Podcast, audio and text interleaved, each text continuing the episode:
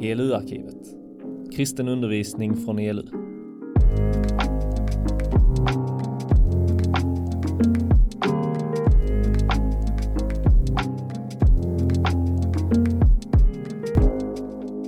Jättekul att vara här, vill jag säga. Eh, det är ju lite hedrande när man är 66 och får bli kallad till ett eh, ungdomsläger, får man ju säga så. Ja. Eh, under en resa i Bulgarien på 60-talet i ett turkmuslimskt område så kom det en kristen missionär, en amerikansk missionär, och han fick höra talas om att en bit där borta fanns det en moské som kallades för Jesusmoskén. Så att han var lite intresserad av det här, så han tog sig med mycket möda till den avlägsna byn och så frågade han om varför heter den Jesusmoskén? Ja, så blev man hänvisad då till prästen eller den muslimske mullan där då. Eh, och så berättar han för missionären att eh, alla i byn var muslimer. Men eh, vid ett tillfälle så dog hans svärmor. Och han var helt förtvivlad. Men då hade någon berättat för honom att Jesus kan hela. Så att han började ropa Jesus, Jesus, Jesus högt och ljudligt över byn. Och undret skedde. Hans svärmor restes upp från de döda. Och eh, levde nu tillsammans med dem i byn. Sen så, så eh, berättar, missionärerna, berättar han för missionärerna att de har sett många sjuka bli helade. Och de hade också ytterligare fått vara med och be hur några döda hade uppstått från de döda. Eh, och missionären han var mycket konfunderad hur det här kunde gå till. Så han frågade, eh, alltså, vad är det för bibelöversättning ni använder er av? Är det gamla turkiska som ni har eller vad är det för en? Och så sa mullan, bibelöversättning, vi vet inte vad en bibel är för någonting. Vi bara vet att när människor är sjuka så ropar vi Jesus, Jesus, Jesus så blir de friska. Johannes var en av Jesu lärjungar. Och han levde nära Jesus. Och han skrev evangeliet om en glädjebudskapet enligt Johannes. Eh, och jag läser här till det är den sista versen mm, börjar jag med och sen tar jag den sista versen i kapitlet innan. Det är den lärjungen som vittnar om detta och har skrivit detta. Och vi vet att hans vittnesbörd är sant. Jesus gjorde också mycket annat, men om varje händelse skulle skrivas ner tror jag inte ens hela världen skulle rymma de böcker som då måste skrivas. I kapitlet innan står det Många andra tecken som inte är nedskrivna i denna bok gjorde Jesus inför sina lärjungar.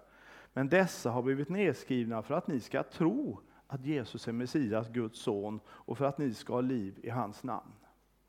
Evangelierna är ingen biografi om Jesus. De är inte skrivna för att vi ska få veta allt om honom. Kristen tro handlar inte heller om att ha så mycket kunskap som möjligt. Kristen tro handlar om, och Bibeln är skriven om, för att människor ska komma till tro på Jesus som Messias, Guds kung, eh, och genom tron ha liv i hans namn. Och Det här är något jätteviktigt, för du kan läsa Bibeln i andra syften. Det finns folk som ska bevisa vad som kommer hända i framtiden genom Bibeln. Det finns folk som försöker hitta hemliga koder och allt möjligt. Det finns folk som eh, försöker till varje pris kolla historien, att den stämmer si och så. Men Bibeln är inte skriven för något annat än att du och jag ska få en relation med Gud genom Jesus Kristus. Eh, och läser du Bibeln av andra orsaker så kommer du fel. Hur många av er lyssnade på Sebastian Staxet när han hade sommarprogram i veckan? Ja, rätt många. Det var faktiskt det enda jag lyssnade, det enda sommarprogrammet jag lyssnade på. Och en del andra har läst boken gissar jag, han, han har skrivit. Alltså Sebastian Staxet var ju alltså eh, känd som Sebbe Stax och medlem i hiphopgruppen Kartellen. Han var en kriminell, knarkande rapartist, skådespelare, en ungdomsidol. Men så berättade han att på insidan mådde jag så eländigt dåligt. Jag hade sånt självförakt så jag bara ville dö. Och det enda sättet att överleva det var att hålla på med droger, annars hade jag inte orkat leva. Och så fick han ta emot Jesus, Jesus kärlek in i sitt liv. Och hans liv blev förvandlat helt och hållet. Och så Eh, berättar han, jag tycker det är lite intressant, han skrev så här i boken, innan han liksom, eh, vägen, liksom, hans upplevelse när han inbjöd Jesus, så står det så här. Mitt första möte med Jesus Kristus blev omtumlande. Ett par dagar efter psyket fick jag frågan om jag ville ta emot Jesus Kristus och jag svarade ja. Så jag bad en frälsningsbön. Jag tog emot Jesus Kristus som Herre över mitt trasiga liv. Jag menar, jag hade testat allt annat och inget hade funkat. Jag var desperat. Så desperat så att om någon hade sagt att Kalanka skulle kunna lösa mina problem om jag tog emot honom, så hade jag gjort det. Där var han. Men eh, han förvandlades. Denna hatets apostel blev en kärlekspredikant och har fått mycket uppmärksamhet i medierna. Och han berättade om hur Jesus kom in i hans liv och förändrade hans liv så att han upplevde kärlek. Att han upplevde Guds kärlek in i sitt liv så att han kunde börja älska sig själv. Och jag vill säga så här, jag har varit med ganska många år i den här branschen nu. Jag har läst ganska mycket teologi och kristna böcker och så vidare. Men jag ska säga att kristendomen är världens enklaste religion. Den handlar egentligen om ta emot Guds kärlek genom Jesus Kristus in i ditt liv så att du kan älska dig själv. Och när du sen kan älska dig själv, är sen av den kärleken vidare till världen. Så enkelt är det. Det är kärlek världen behöver och det är kärlek du och jag behöver. Samtidigt så är kristendomen den svåraste av alla religioner. Vet du varför? Jo, andra religioner, de kan hålla hela, liksom, människor i hela regioner i schack i flera hundra år. Men kristendom kan inte tvingas på någon, äkta kristendom. Kristendom kan inte läras ut fullt ut. Kristendomen kan liksom inte eh, med olika metoder eh, på något sätt forceras fram. Utan kristendom bygger på en kärleksrelation mellan mig och Jesus. Och det måste varje generation personer eh, liksom få, få ta emot. Jag har skrivit några böcker. Den här boken är ju skrivet Kraftfulla rötter som ger hopp. Och den handlar om hur Sverige förvandlades för 200 år sedan Trots att det var människor som gick i kyrkan väldigt ofta, var och varannan söndag, så var det först när människor fick en kärleksrelation med Jesus som förvandlade hela det här landet. Ifrån på ett par generationer, från ett av de fattigaste länderna i världen till ett av de rikaste. Och så är det så här att den här, som jag sa, att problemet med levande kristendom jag sa att det bygger på en kärleksrelation med Jesus, men problemet med det är att den tenderar att falna den där relationen. Så att den, när en människa kommer till tro på Jesus och får möta honom så förvandlas oftast hela hans liv och, och människor i omgivningen. Men efter ett tag, andra, tredje, fjärde generationen, så börjar man ta det här med Guds nåd och Guds kärlek som en självklarhet. Och därför, därför tenderar levande kristendom så här att dö. Och så måste Gud sända nya väckelser. Eh, vi kan läsa om det här eh, i Gamla Testamentet, hur, hur folket levde nära Herren och det blomstrade, landet blomstrade, samhället blomstrade. Och så gick det ett par generationer och så avföll man och så sände Gud profeter och så blev det en ny rörelse. I Nya Testamentet har vi likadant hur församlingarna kom bort ifrån Guds närhet och så skrev Paulus sina brev och i vissa fall i alla fall förde man dem tillbaks till den första kärleken. Och så kommer det gång på gång väckelserörelse i den kristna kyrkan. Väckelserörelse som vill föra människor närmare in i den här nära relationen med Herren. Vid ett tillfälle så var det en kristen journalist som skulle intervjua en äldre dam. Ja, hon blev ganska gammal. Hon dog år 2105 år gammal. Hon hette Valborg Stjärne och varit ute som EFS-missionär.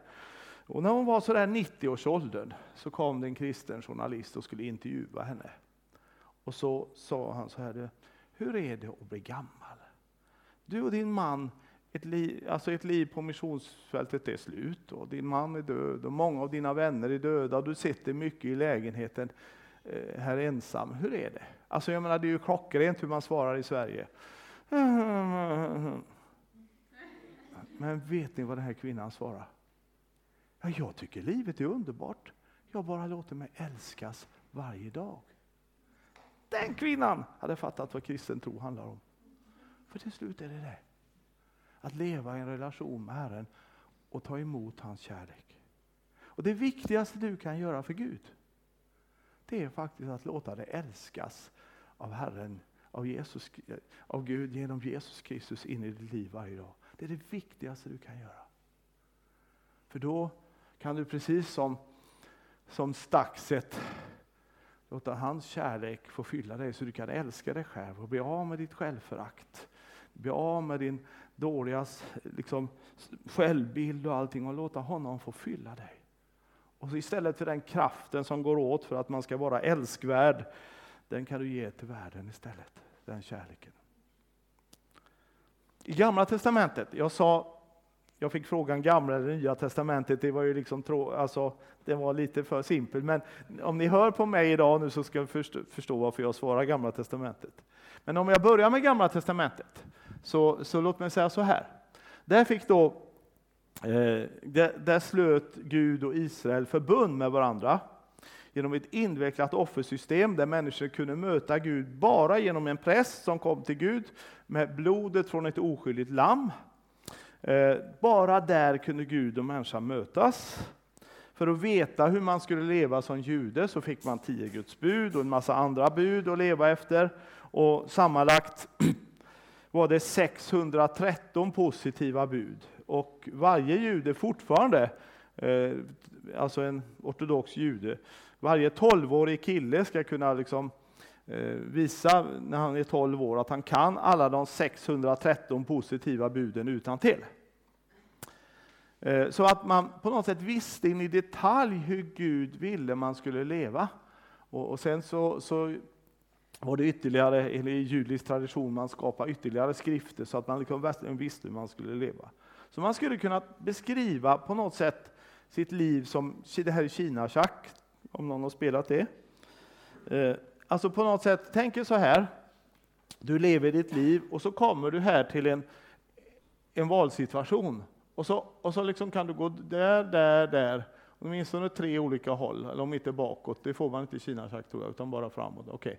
tre val. Alltså på något sätt, du har, du har liksom lärt dig hur man ska handla. Så att om man överför den till, till vår tid då, tänk dig att du kör, på en bil, kör en bil eh, på en vanlig landsväg och så står det helt plötsligt en, en, en bil längre fram med motorhuven öppen. Hur ska jag handla då? Ja, då har jag liksom lärt mig, nu överdriver jag såklart, jag har lärt mig liksom, ja, hur ska man göra när man kör bil? Och så avdelningen färd på landsväg, färd på oförutsedda händelser på landsväg. Och så på något sätt, man lär sig hur man ska agera. Är ni med?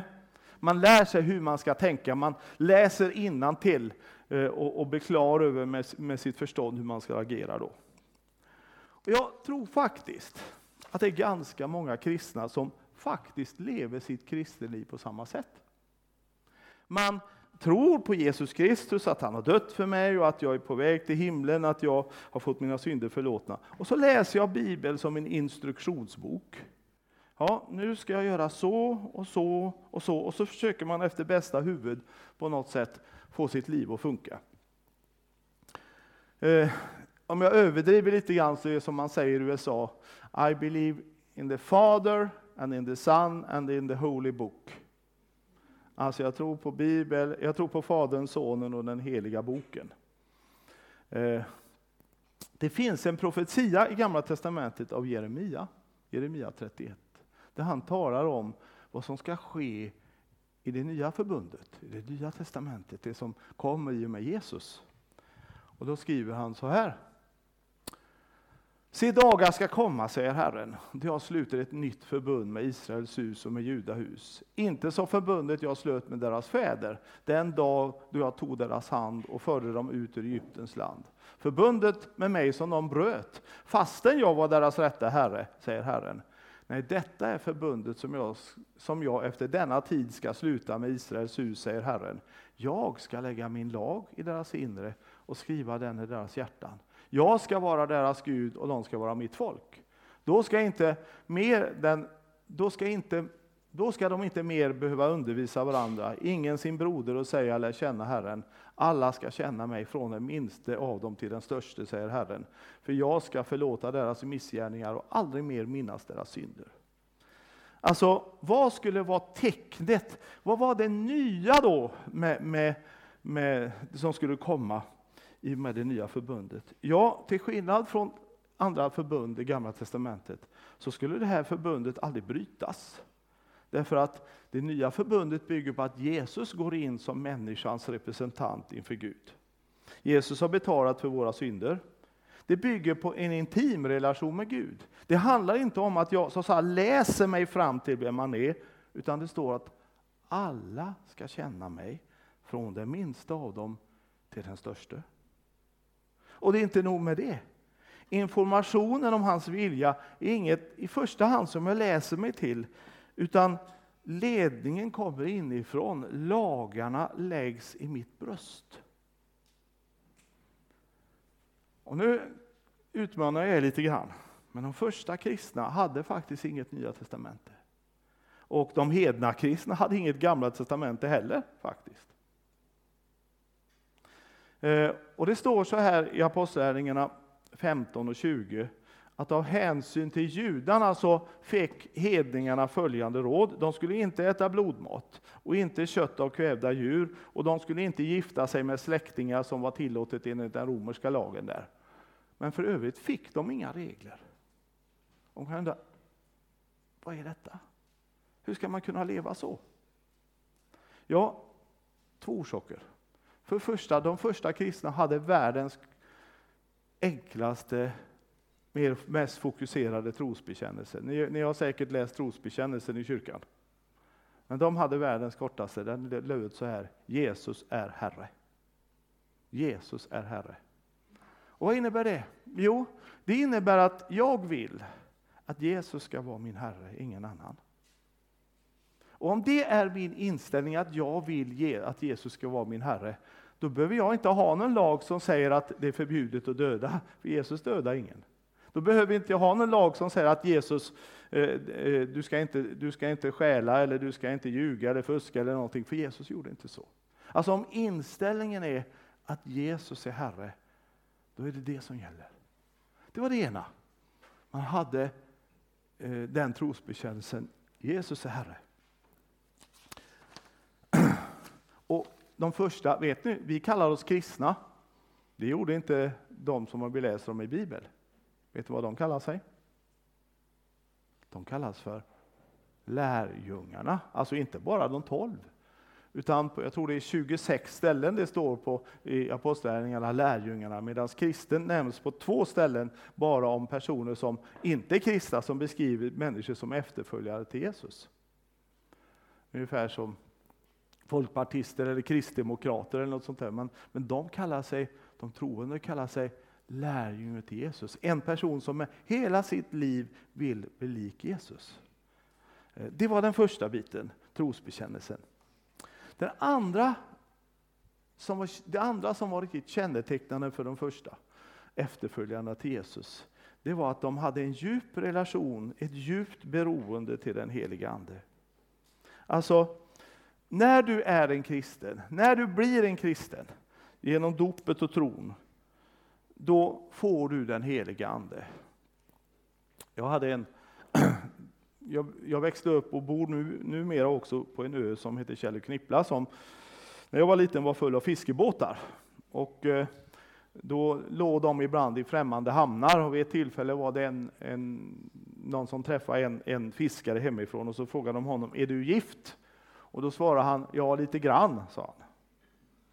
Men du vet, man kan inte vara gift lite grann. Antingen är man gift eller också är man inte gift, eller hur? Men det säger en del om det äktenskapet han levde i kanske. Eh, på samma sätt, när du blir en kristen, då får du den heliga Ande. Och du kan inte ha den heliga Ande lite grann, utan antingen är du kristen och då har du den heliga Ande, eller också är du inte kristen och då har du inte den heliga Ande. Därför är det så viktigt att veta det, att, man, att, jag, är en, att jag är ett Guds barn, att jag är en kristen. Men du, du som är kristen behöver inte fråga dig om du har den heliga Ande, men du kan däremot fråga dig hur mycket har han av dig? Hur mycket inflytande har den heliga Ande i ditt liv? Jag ska tala mer om det på seminariet i eftermiddag.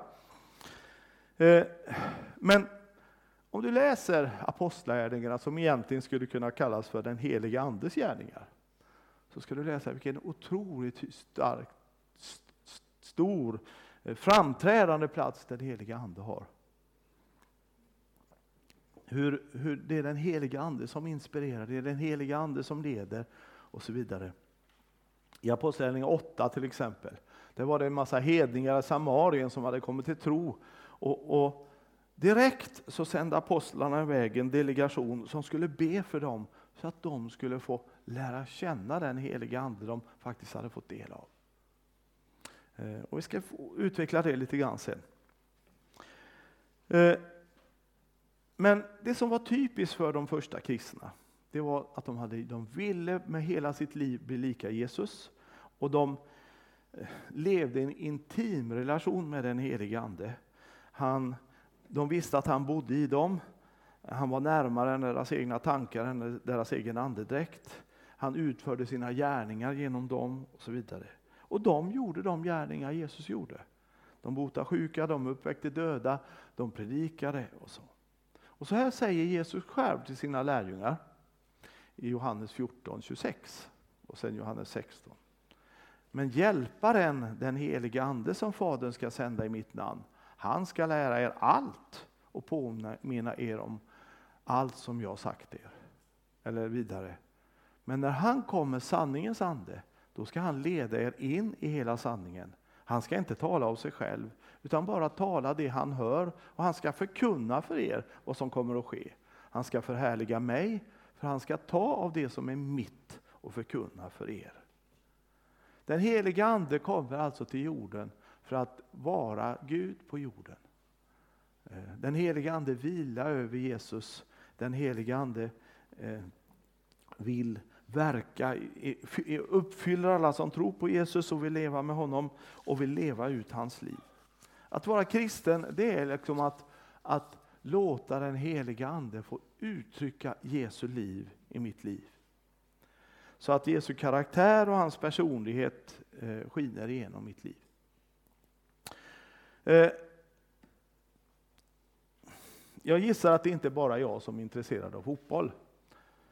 Jag har sprungit många, många, många, många mil i fotbollsplaner. Jag har spelat aktivt i 25 år i olika lag och jag har lärt mig liksom att det finns liksom fotbollsplaner.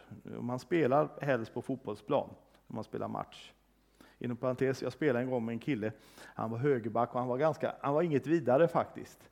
Faktiskt att spela, men han platsade precis i laget. Men grejen var faktiskt, låt mig berätta, han hade en fint.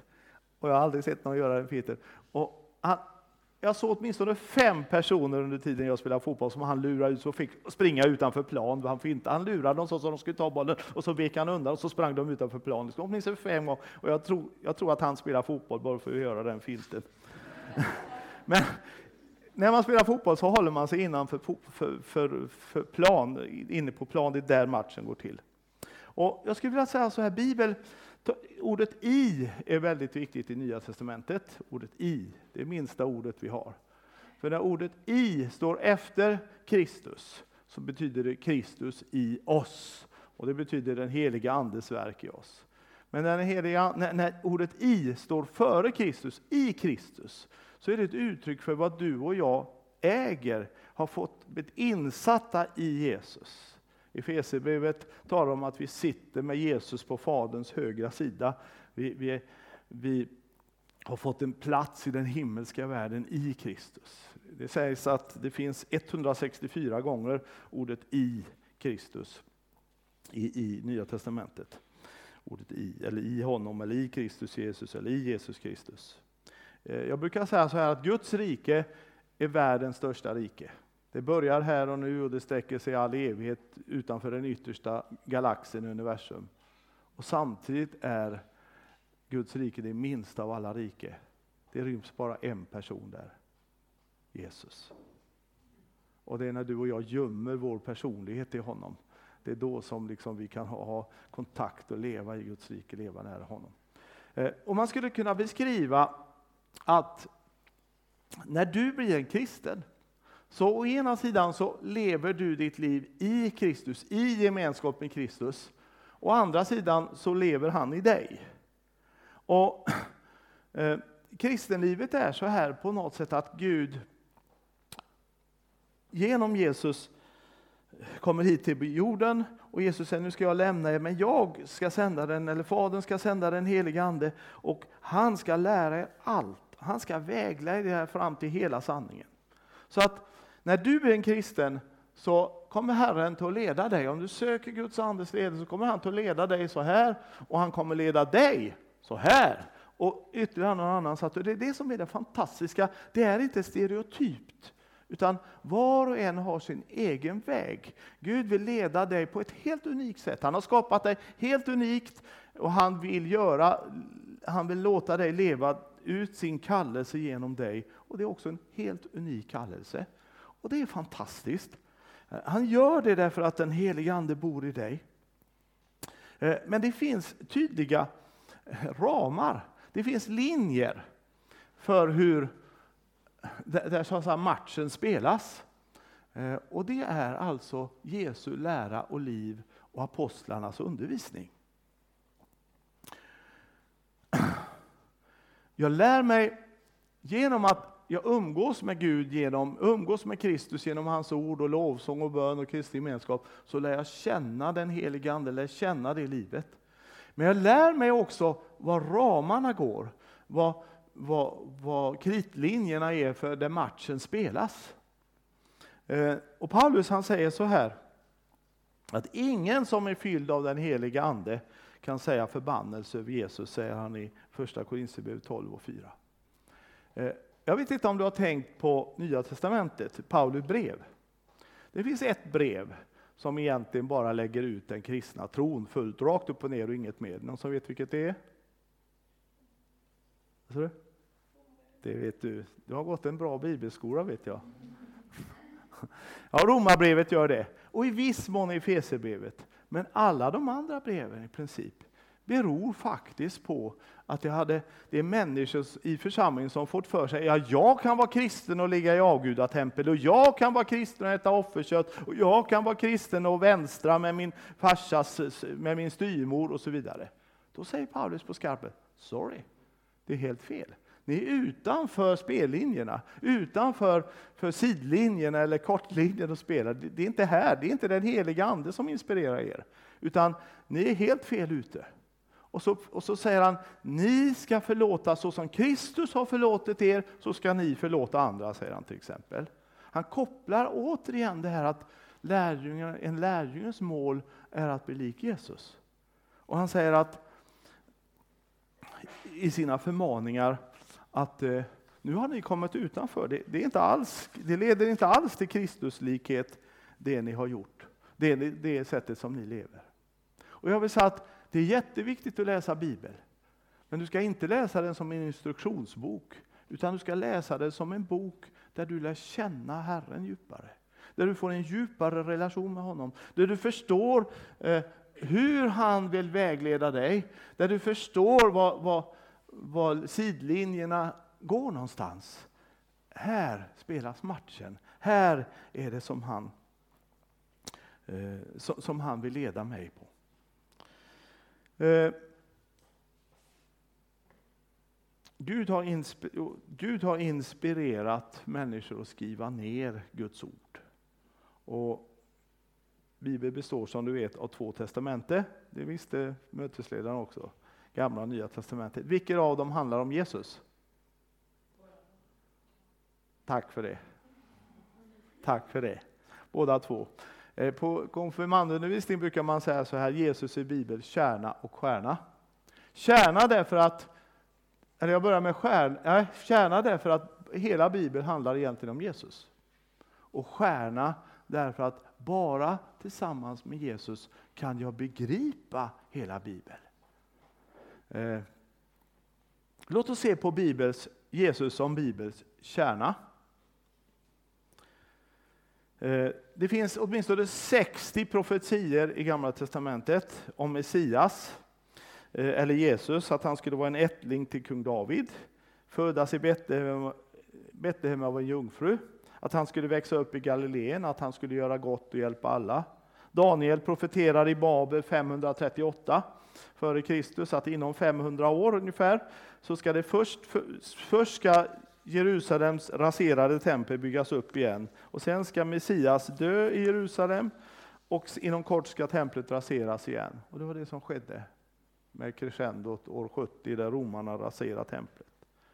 Det står att, Jesus, att Messias skulle bli förrådd för 30, av sina vänner för 30 silverpenningar. Att han skulle komma bland de rika först när han var död, att han inte skulle förbli i graven. Inget av det här kunde Jesus påverka själv. Det är någonting om Jesus som Bibels kärna. Bibeln har 66 böcker skrivna av en massa olika författare under en tidsperiod av över tusen år. Innehållet är olika. Historiska, profetiska böcker, brev, apokalyps, lagböcker, sångbok, poesi. Men varje bok, varje kapitel och ytterst varje vers handlar om Jesus Kristus. Problemet är att många har inte begripit det. Och om du inte begriper det så kommer du att komma fel, framförallt när du läser Gamla Testamentet. Hur många av er har sett filmerna om Sagan om ringen eller filmen eller böckerna om Narnia? Upp med en näve. Ja, men det är flera stycken ja, som har gjort det. Skrivna av C.S. Lewis och, och Tolkien som var vänner och båda var kristna. Och du vet, i de här berättelserna så handlar det om en berättelse, en saga men samtidigt så finns det en annan bakomliggande berättelse på en gång. Eh, och Det är inte så svårt att begripa att eh, Aslan i land, böckerna om landet Narnia är en, en, en, liksom en allegorisk beskrivning av Kristus. Eller eh, Gandalf och Aragorn i Sagan om ringen eh, påminner om Kristus som föddes till jorden för 2000 år sedan. En stor del av Gamla Testamentet judarnas bibel är en enda lång historisk berättelse. Och samtidigt är det en annan berättelse. En berättelse om Kristus.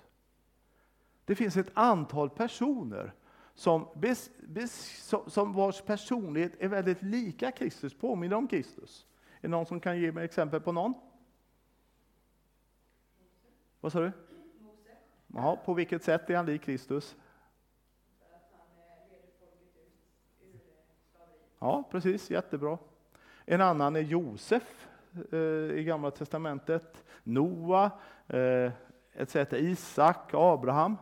Ett antal personer som alltså innan Kristus var född beskriver honom.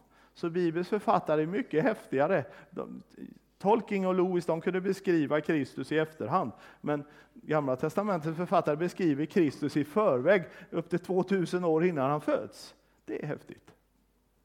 Eh, och låt mig ta med bara, bara en liten, vad ska jag säga, en eh, vad heter, heter det? neddykning i Gamla Testamentet. För i Gamla Testamentet finns det exempel på personer, händelser, institutioner som förebildar Kristus. Här är en bild av när Abraham offrar Isak. Ungefär 2000 år före Kristus så föds Isak genom ett Guds under. Hans far Abraham är beredd att offra sin enda son på berget Moria för att göra relationen mellan Gud och människan okej. Okay. Men Gud utser istället ett lamm, ett offerlamm. Och det här berget, Moria berg, kan också kallas berget där Gud låter sig ses, berget där Gud utser. 850 år senare så byggs det ett tempel på samma bergsmassiv. Och längst inne i detta tempel, i det allra heligaste, där offrades en gång per år ett speciellt offerlamm av en speciell överstepräst för att relationen mellan Gud och människa skulle vara okej. Okay. Och Gamla testamentet lär oss att det är bara inne i det allra heligaste en människa kan ha djup gemenskap med Gud. Men nu hoppar vi fram ytterligare 1150 år och på samma bergsmassiv som Abraham offrar sin son, som där templet stod, där föds den, den Guds son som föds på ett övernaturligt sätt till jorden, han offras. Gud offrar sin Isak, han offrar sin löftesson på samma bergsmassiv, han som kallades för Guds lamm. Så Golgata, Moria berg, berget där Gud utser. Eh, Berget där Gud låter sig ses. Där, där på Golgata, där kan vi se Gud allra tydligast. Visst är det ganska häftigt? Eh, snacka om att Gud har perspektiv. Det började för 4000 år sedan. Eh, det här är tabernaklet som Gud talade om för Moses att han skulle bygga. Så ser du allt folket är samlade runt, bodde i olika tält. Och så här syntes det på natten, för det var ett eldsken som utgick från det allra heligaste. Och här ser du de olika föremålen som fanns i tabernaklet. Jag ska visa här. Här var ett skådebrudsbord, där var ett eh, eh, äh, Eh, den här sjuarmade ljusstaken, här är en, ett eh, rökelse, nej, ett, äh, ett eh, så här, ja, det, det, det är ett föremål. Och här inne i det allra heligaste är förbundsarken då. Men vet du vad som det häftiga är? Att den här uppenbarelsen fick Moses av Herren för att han skulle bygga det här tabernaklet och upprätta ett offersystem utifrån hur det såg ut i den himmelska världen. Och hela tabernaklet, alla föremålen, eh, varenda en detalj kan lära oss någonting om Jesus och det han gjorde. Eh, allt detta var för att lära oss mer om Jesus, om försoningen och vad vi äger i honom, för att vi skulle få en djupare förståelse. Ta till exempel nådastolen som stod inne i det allra heligaste. Den enda plats där Gud och människan möttes i Gamla Testamentet. Det var en ark, en låda av trä överdragen med guld. I den fanns lagens tavlor. För Jesus var människa, alltså träet, men han var också gudomlig, guldet. Eh, inne i honom eh, var lagens tavlor. Inne i honom, han uppfyllde Guds lag. Eh, och så vidare. Bara i honom kan Gud och människa mötas. Det här är en bild av prästens kläder. Varenda klädesplagg som var väldigt, var väldigt avancerad klädsel, eh, varenda en prydnad, varenda detalj i, i, i prästens klädsel kan lära oss någonting om Kristus och vad han har gjort för oss och vad vi äger i honom. Kristendom, som jag sa, är världens enklaste religion.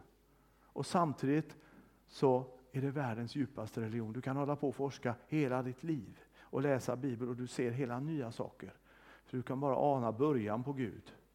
Och Det är det som är det häftigaste, så du blir aldrig färdig. Eh, du kommer upptäcka nya saker. Och nu ska jag gå, det här blir jättesnabbt, men jag ska bara beskriva här. Gamla testamentet är jätteviktigt. Det ger oss djupa insikter om Gud och människan. Vem människan är, hurdan Gud är. Det handlar också om människans misslyckade försök att behaga Gud med att göra, försöka hålla Guds lag. Vi får lära oss att människor blir frälsta i Gamla Testamentet genom Guds nåd och faktiskt inte genom laggärningar. Det finns många profetier om Israel och dess grannar. En del går i uppfyllelse i vår tid. Det finns profetier om Messias som Gud skulle sända. Det finns personer som förebildar Jesus, jag har nämnt några. Det finns institutioner som förebildar Jesus, där, där templet, tabernaklet var en, fristäderna en annan, och så vidare. Det finns händelser som förebildar Jesus och det han gjorde. Och du nämnde ökenfärden där till exempel, eller vandringen genom Röda havet, offrandet av offerlammet och så vidare. Eh, jag ska alldeles, vi ska alldeles strax ta en liten rast, men låt mig bara avsluta med att säga så här. Eh, ni får inte tro att jag talar negativt om Bibeln, tvärtom. Men du ska inte läsa Bibeln som en instruktionsbok. Men kom ihåg, det är Bibeln som talar om hur det ska vara, det är inte vi som talar om hur Bibeln ska vara. I Bibeln finns hela Guds uppenbarelse på pränt. Och Gud kommer inte att göra någonting som är i strid med vad hans ord säger. Och för det tredje, tolka Guds ord med Guds ord. Eh, ett tips när du läser Bibeln det är att sätta ett frågetecken i kanten om det är något du inte förstår. Är det någon mer än jag som gör så? Ja, ingen mer? Ja, det, ja, det, ja. ja. men det är ett tips, gör det. Och när du har läst igenom Bibeln första gången så kanske du har massa frågetecken, du kanske har hundra frågetecken eller 200 frågetecken. Okej, okay. så läser du Bibeln en andra gång. Och då kan du stryka hälften av de frågetecknen för att då har du helt plötsligt upptäckt massa, fått förklaringar. Det är bara att du har fått massa nya frågetecken. Och så fortsätter det så. Men det är ett väldigt bra sätt faktiskt. Eh, I Bibeln är det Gud som talar till dig. Eh, det handlar om Guds handlande i historien, men, historien, men i varje vers så liksom glimtar Guds tankar igenom. Och när du ber att Guds ande ska upplysa dig, eh, så med dina tankar ett med Guds tankar. Men du ska inte lära, läsa Bibeln för att lära mer om Jesus, utan du ska läsa Bibeln för att lära känna Jesus bättre. Det är en väldig skillnad det. Det är inte den kunskapen som är det viktiga, utan det är den kunskapen som är det viktigaste. Och Bibeln är lika viktig för mitt andliga liv som maten är för mitt kroppsliga liv. Så till sist här, innan vi tar en liten rast. Nej, där ja. Råd för bibelläsningen. För det första, läs ur en bibelöversättning som du förstår. Eh, skaffa, det finns, idag finns det många olika bibelöversättningar. Skaffa, läs en som du förstår vad det, vad det sägs. För det andra, läs systematiskt. Börja i evangelierna och Nya Testamentet. Och jag vill säga så här, läs igenom Gamla och Nya Testamentet en, två, tre, fyra, fem, sex, sju, åtta gånger innan du börjar på Gamla. Därför att, som sagt, Jesus är Bibelns kärna och stjärna. Bara när du känner Jesus så kan du begripa vad Gamla Testamentet handlar om. Annars hamnar du i... Det är många som vill börja läsa Bibeln. Jag ska, många svenskar tänker Bibeln är en viktig bok, jag ska läsa den. Och så läser man första Moseboken, ja den är ju spännande. Och andra Mosebok, sådär, liksom ändå så här, med, gå genom Röda havet och allt det där. Men tredje Mosebok med prästernas skädsel och så, och så lägger man av. Gör inte så. Lär känna Jesus börja begripa att det är om honom Bibeln handlar om och du måste läsa det allegoriskt, eh, en del av verserna och så vidare. Använd en bibelstudieplan eller en andaktsbok som hjälper dig att komma igång. Skaffa eventuellt en bibelhandbok som hjälper dig att förstå i vilket sammanhang texten skrevs. Och läs Bibeln under bön och ställ följande frågor. I vilket sammanhang skrevs detta? Vad betyder texten? Och vad säger Gud till mig genom den idag? Ja, men då kan vi ta en kort, en kort bensträckare. Ja.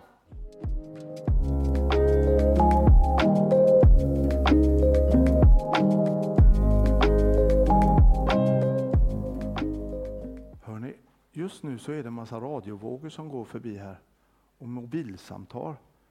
Hör ni? Nej, såklart ni hör inte. För ni har inte, man behöver en radio eller mobil för att höra. Men vi vet ju att just nu så går det en massa signaler runt förbi oss, eller hur? Det vet vi ju, eller hur? Och då är det inte så svårt att begripa att Gud är osynlig och att han talar eh, också. Och nu ska vi fortsätta med det här med att, hur han talar. Det var en gång en känd andlig ledare som var bokad för att åka med ett flygplan. Eh, och så kände hon att hon skulle inte åka med det flygplanet, hon bokade av det. Och så Eh, störta det planet. Och så berättade hon om det i en samling och så, och så var det någon som sa att eh, varför sa inte den heliga ande det till de andra som skulle med planet? Och då sa hon, jag är övertygad om att han gjorde det, men alla uppfattade inte den heliga andes röst. Bibeln säger så här att när du har den heliga ande, när du vet att Kristus bor i ditt liv, eh, då, då har du förmågan att höra vad den heliga ande säger till dig. Och, är du, och därför är det så viktigt att, att du vet när du lämnar det här lägret att jag är en kristen, att Guds ande bor i mig. För det är själva förutsättningen för att höra Guds röst och höra hur Gud talar. Eh, sen så är det så här att jag kan ha Guds ande och ändå inte bry mig om att lyssna på honom. Men nu ska vi gå till ett känt ställe i bibelordet, i Bibel. Johannes 10. När han släpper ut sina får går han före dem och fåren följer honom därför att de känner igen hans röst. Men en främling följer dem inte utan springer ifrån honom därför att de inte känner igen främmande rösten. Och så säger Jesus, jag är den gode herden och jag känner mina får och de känner mig. Allra först vill jag att du ska lägga märke till att när han har släppt ut sina får, eh, Jesus han släpper oss fria. Han vill inte binda oss, han tvingar oss aldrig till någonting. Han ger oss frihet att leva det liv som vi vill leva. Vill vi sen hålla oss nära heden, då vill han guida oss. Vill vi inte det så är vi inte tvingade till att göra det. Vid ett tillfälle hade vi gäster hemma. Och jag var ute, jag gick ut tidigt eh, på, på söndag morgon på en bönepromenad som jag brukar göra. Det var ingen annan uppe. Och eh, när jag kom tillbaka svettig och dan och skulle duscha så var det någon i duschrummet. Och så ställer jag den mycket intelligenta frågan. Är det du? Alltså vad ska man svara på en sån fråga? Nej, det, nej, det är inte jag. Jag knackar på dörren. Är det du? Och får till svar lika intelligent. Ja, det är jag. Fullkomligt. Jag och min fru utbyter fullkomligt meningslös information med varandra. Men själva grejen var att jag kände igen hennes röst och hon kände igen min röst. Och det var den stora, det var det som gjorde att det blev meningsfull information ändå. Eh, och eh, när man talar om vissa kristna, det är bara att läsa i Bibeln till hur det står. Eh, nu har jag en fråga till er. Vad står det här? Vad sa du? Jaha, står det det? Vad står det? Jaha. Jag skulle vilja säga så här, det kan ju stå så här, ska jag köpa mjölk när vi har så bråttom? Eller ja, det kan stå så här, ska jag köpa mjölk, kan ingen annan göra det? Alltså, eller ska jag köpa mjölk? Vi kan väl byta oss till oss den mot äpplen? Eller ska jag köpa mjölk? Är det inte juice jag ska köpa? Är, är ni med? En väldig skillnad beroende på hur man betonar. Vill du lära känna Herrens röst så handlar det så mycket mer än att bara läsa. Det handlar om att lyssna på innehållet, lyssna på tonfallet, på röstläget eh, och lära sig känna igen nyanserna.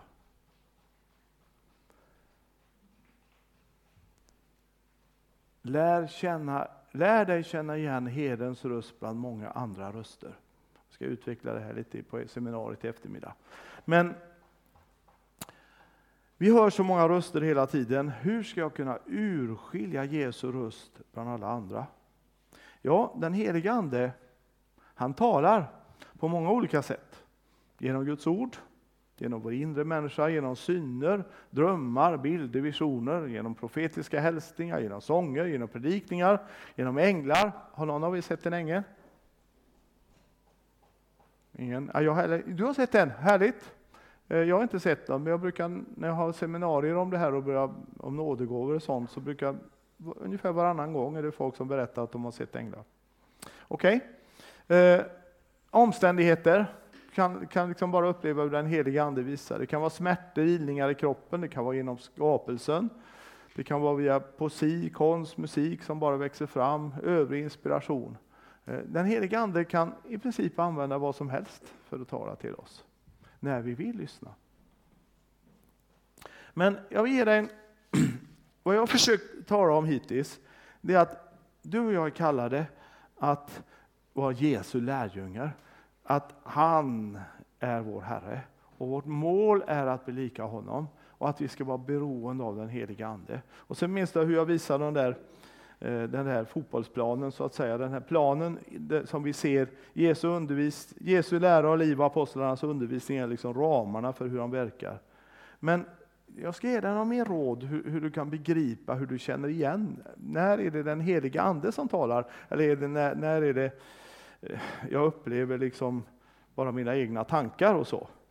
Ni vet det här Gud kan tala genom drömmar, men de flesta drömmarna, det är liksom inte det är liksom inte den heliga Ande. Det kan vara pizzadrömmar, att jag har ätit något dåligt, eller det kan vara att jag Förr, för så drömde jag drömmar liksom om att jag skulle spela fotboll, men jag fick aldrig knutit skorna. Liksom, nu är det andra drömmar, att jag ska upp och predika och inte förberedd och sådana drömmar. Men, men ibland, jag har drömt fyra, fem drömmar som har varit så här omskakande, jag vet att det är Gud. Eh, och jag vill ge dig några råd eh, hur du kan, hur du kan känna igen att det är den heliga Ande som verkar. För den helige Ande, han kommer alltid att förhärliga Kristi person. Han kommer att förhärliga Kristi ord eh, och han kommer förhärliga Kristi kropp. Eh, när den helige Ande talar så vill han uppmuntra oss. Det står att profetia är till för uppmuntran, förmaning och tröst. Jag vill säga så här, ju mer tid du tar att bara vara med Herren, att umgås med honom, låta dig älskas av honom, inför en öppen bibel be, desto mer kommer du också uppleva hur han kommer att tala till dig på olika sätt. Och han kommer alltid som sagt att förhärliga Jesus Kristus, inte vilken Jesus Kristus som helst. Inte bara Gud. Det finns du kan gå och höra i olika kyrkor folk predikar eh, och det är inte, det är inte den heliga ande som, som, man kan prata jättemycket om Gud men den heliga ande kommer, för, kommer alltid att förhärliga Kristus. Och inte vilken Kristus som helst utan Jesus Kristus och honom som korsfäst talar Paulus om. Eh, han kommer att förhärliga den korsfäste Kristus. Eh, han kommer också förhärliga Kristi kropp.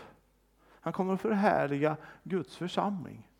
Eh, därför Kristus har bara en kropp på jorden och det är hans församling. Och han kommer aldrig att eh, liksom leda ut dig i en slags ensamkristendom, utan han kommer alltid att, det han vill göra kommer han att göra tillsammans med andra. Och eh, Han kommer också att förhärliga Kristi ord, och det var vi inne på innan. Han kommer aldrig att leda dig till någonting som inte är i linje med vad Guds ord säger. Han kommer aldrig att leda dig till något som inte stämmer med Guds ord. Han kommer aldrig att leda dig, nu ska du skilja dig från din fru och gifta dig med vackra Lisa istället. Han kommer inte att säga sånt. Han kommer inte att säga att du, nu, ska du, uh, nu ska du börja en knarkfabrik och så generera massa pengar till Guds rike. Liksom för det. Han kommer inte att göra det.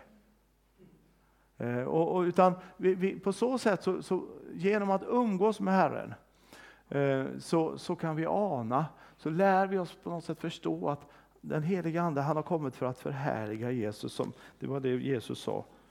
Eh, en annan sak Eh, jag läste det, jag läser bibelordet igen då bara som, som jag läste innan. Där. Nej. När han kommer den helige Ande så ska han förhärliga mig. Eh, och det här med Bibel. Eh, man kan läsa Bibeln på många sätt. Det finns ett bibelställe som står i psalm 119. Jag trodde jag hade fram det jag skulle hittat här. Eh, I psalm 119 som är den, den, den psalm eller den bibelvers, bibelkapitel som är mitt i själva bibeln. Eh, där kan du läsa följande. Exakt, ska ni få exakt kapitel och vers. Nej. Där då. Psalm, nej, 116, förlåt. 116, vers 119 är det summan av ditt ord är sanning. Summan av ditt ord är sanning. Och jag, jag vill säga så här. Eh, du, man kan läsa Bibeln och, och, du kan få fram precis vad du vill, för att det finns så väldigt mycket texter. Utan summan av ditt ord är sanning. Eh, när en människa har läst igenom Bibeln en, två, tre, fyra, fem, sex, sju, åtta gånger, då kan hon börja förstå vad summan av Guds ord är. Då kan hon börja på något sätt förstå att ja, men det är det här det handlar om. Då har du inandats liksom Bibels tankar, Guds tankar, Guds personlighet och du begriper, du, du på något sätt känner igen honom. Eh, så läs ordet, låt dig älskas av Herren. Lär dig leva i hans närhet. Skriv gärna ner i en bok vad han säger till dig. Eh, och den heliga Ande kan tala jag upplevde när, jag hade, när, när, vi hade småbarn hemma hur, hur Gud kunde tala jättetydligt genom dem. Vi, vi var ute på en semesterresa eh, med tre små barn och en dålig reskassa och en gammal Saab som hade gått 40 000 mil och körde i Europa. Och vi hade letat i fyra timmar utan att få någonstans att bo och klockan var närmare sig halv tio och vi hade kört in på en liten väg Eh, i Heidelberg och visste att det var liksom i Tyskland. Vi visste att det var inte stor chans att vi skulle få något. Och då säger helt plötsligt vår nioåring, jag fick en tanke. Det finns en röd väg på väg till Hannover och där, där så finns det ett ställe där vi kan bo, det ligger på höger sida. Och vi tittar, ja, vi har kört in, på, den är röd väg på kartan och den är, går till Hannover. Och så kör vi en kvart och så hittar vi ett billigt ställe på höger sida när barnen blir bjudna på klubba och glass av ägaren och så vidare. Så den helige Ande talar väldigt ofta till barn också. Eh, för det andra, när han släppte ut sina fågor han före dem. Följ herden och lär dig lyssna in hans röst. Jag har en god vän som växte upp i Norrlands inland. När han var 18 år så hade han just tagit körkort och så var på en ungdomssamling i Skellefteå. Och han skulle köra de 12, mil, 12 milen eh, hem till Rökå där han bodde mitt i natten. Han hade laddat med Coca-Cola och ostbågar, han hade full volym då på bilstereon. Och så var han halvvägs så upplevde han bara att den helige Ande sa bromsa! Och han bromsade in och körde in till kanten och precis när han började bromsa så kom det en stor älg springandes som han såg framför sig. Så konkret kan den helige Ande tala. Men det är viktigt att vi hör vad Anden säger. Därför att är vi för upptagna med vårt eget, är vi upptagna med våra egna projekt, så hör vi inte Anden.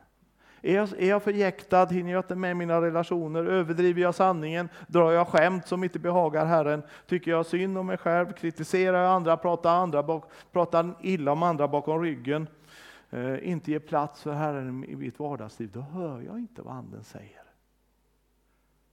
Eh, den heliga Ande liknas i Bibeln vid en duva, vet du, som till exempel över Jesus när han döptes. Eh, och, och, och vi, när vi tänker på duvor så tänker vi på de som går i städerna, så där på torgerna. Men det är bara förtamade brevduvor, de som vi ser där. En duva i naturen är väldigt skygg av sig. Har ni sett det? Har ni tänkt på det? De flyger direkt, de känner sig hotade. Direkt sticker den iväg. Och den heliga Ande trivs inte. Eh, den heliga Andes närvaro.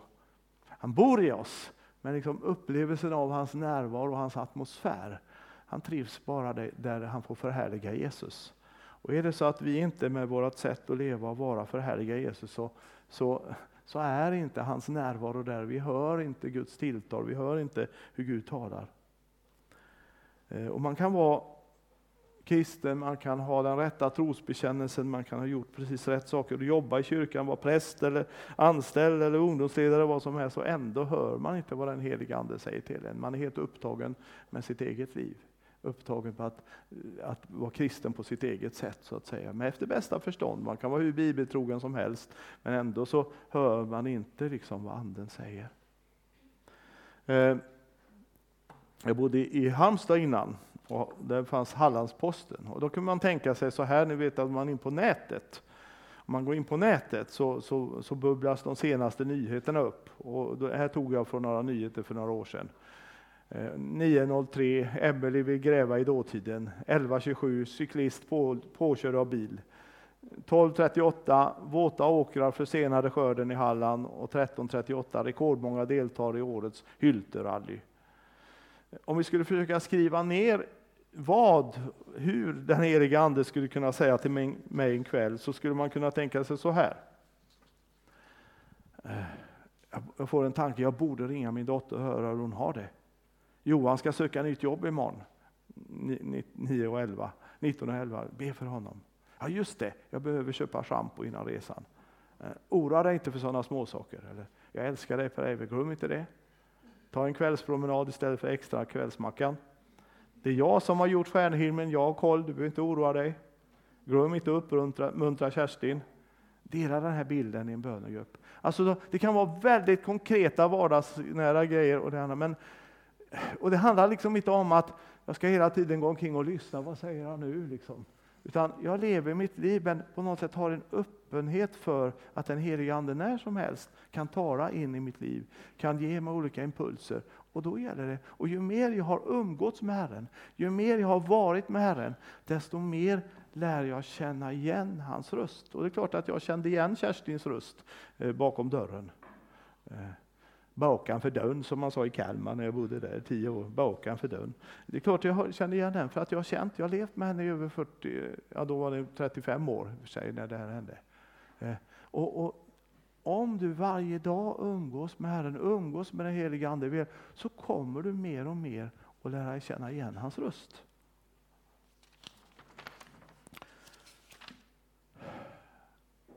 För det tredje, och fåren följer honom. Följ herden. Lyd herr Andens maningar. Och här är något viktigt. Därför att jag vet inte om du någon gång har varit i en situation Eh, där du inte riktigt vetat vad du ska göra. Vad är Guds vilja och vad är inte Guds vilja? Det har ju kanske inte ni, för ni är så fromma så ni hör alltid vad Gud säger. Jag förstår precis. Men jag hamnar då och då att jag inte vet, vad är detta Gud eller vad är detta? Alltså till exempel, ska jag be nu eller ska jag sticka ut och träna? Alltså vad är anden? Och för det andra, är det, ska jag fasta liksom den här dagen? Jag hade bestämt för det, men nu min bästa icke-kristna kompis vill ut och fika med mig. Vad ska jag göra? Och här är något viktigt.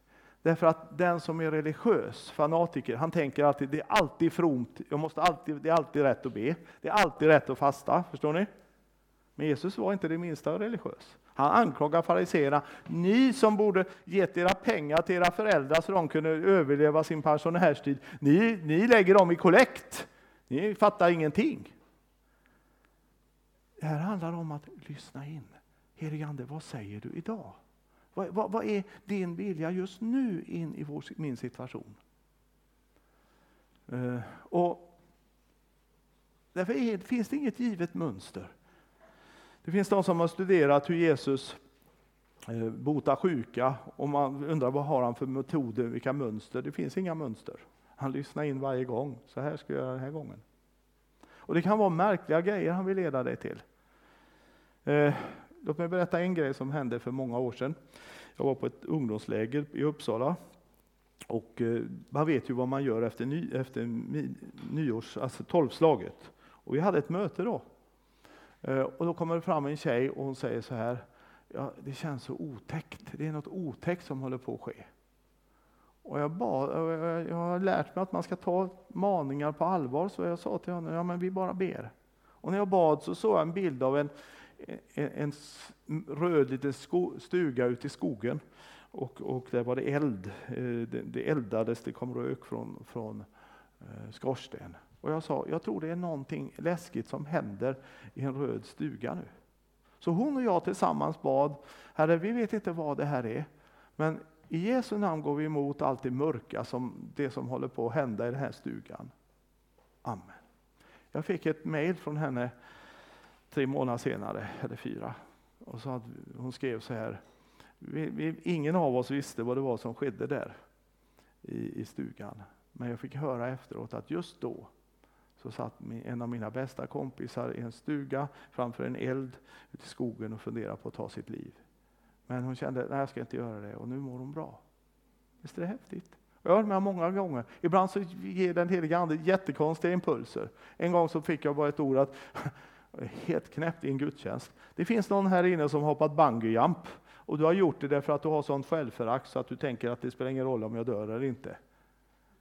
Ja, kom fram en tjej efteråt och jag bad för henne.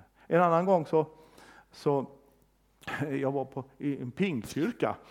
Eh, jag var där i våras nu och så kom en, en kvinna och berättade så här till mig att eh, när du var här senaste gången för 20 år sedan så fick du ett kunskapens ord att det finns någon som, som eh, är allergisk mot råa morötter. Och det var jag. Men jag tänkte jag ska gå hem och när jag gick hem efter mötet gick jag hem och knaprade på råa morötter och jag har varit frisk sedan dess var lite häftigt med helt knäppa grejer. Liksom. En annan gång träffade jag 15, väl, 15 stycken liksom, ungdomar som, väl, som kom från, de flesta från kristna hem och trygga. Och så får jag så här, sa den helige Ande, så här upplever jag. Eh, någon har blivit kidnappad och mordhotad. Ja, då var det faktiskt den jag kände bäst som hade varit på skolresa i Berlin. Och eh, på en tunnelbanevagn så var det en knarkare som, tog, som höll henne som gisslan och hade med en kniv så här framför i, i 45 minuter någonting. Liksom. Eh, så den helige Ande kan tala på det mest märkliga säger och då handlar det om att göra. Gör det, visa, gör vad han visar dig. Och ibland så kan det gå åt skogen och bli helt galet och ibland så är det bara så rätt. Så. Amen. Nu ska vi ta en stund där vi bara, bara, lite, bara någon minut. Du bara sluter dina ögon. Bara slappna av så mycket du kan. Och så bara är du alldeles stilla. Och så just nu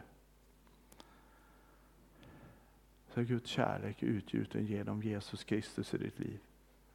Och just nu vill han bara älska dig. Han vill bara låta din kärlek, sin kärlek få genomströmma dig.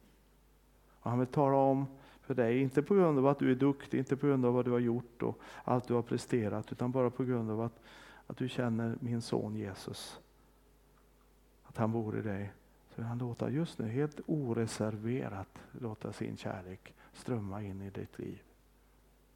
Och du behöver inte göra någonting annat än att bara vila i det.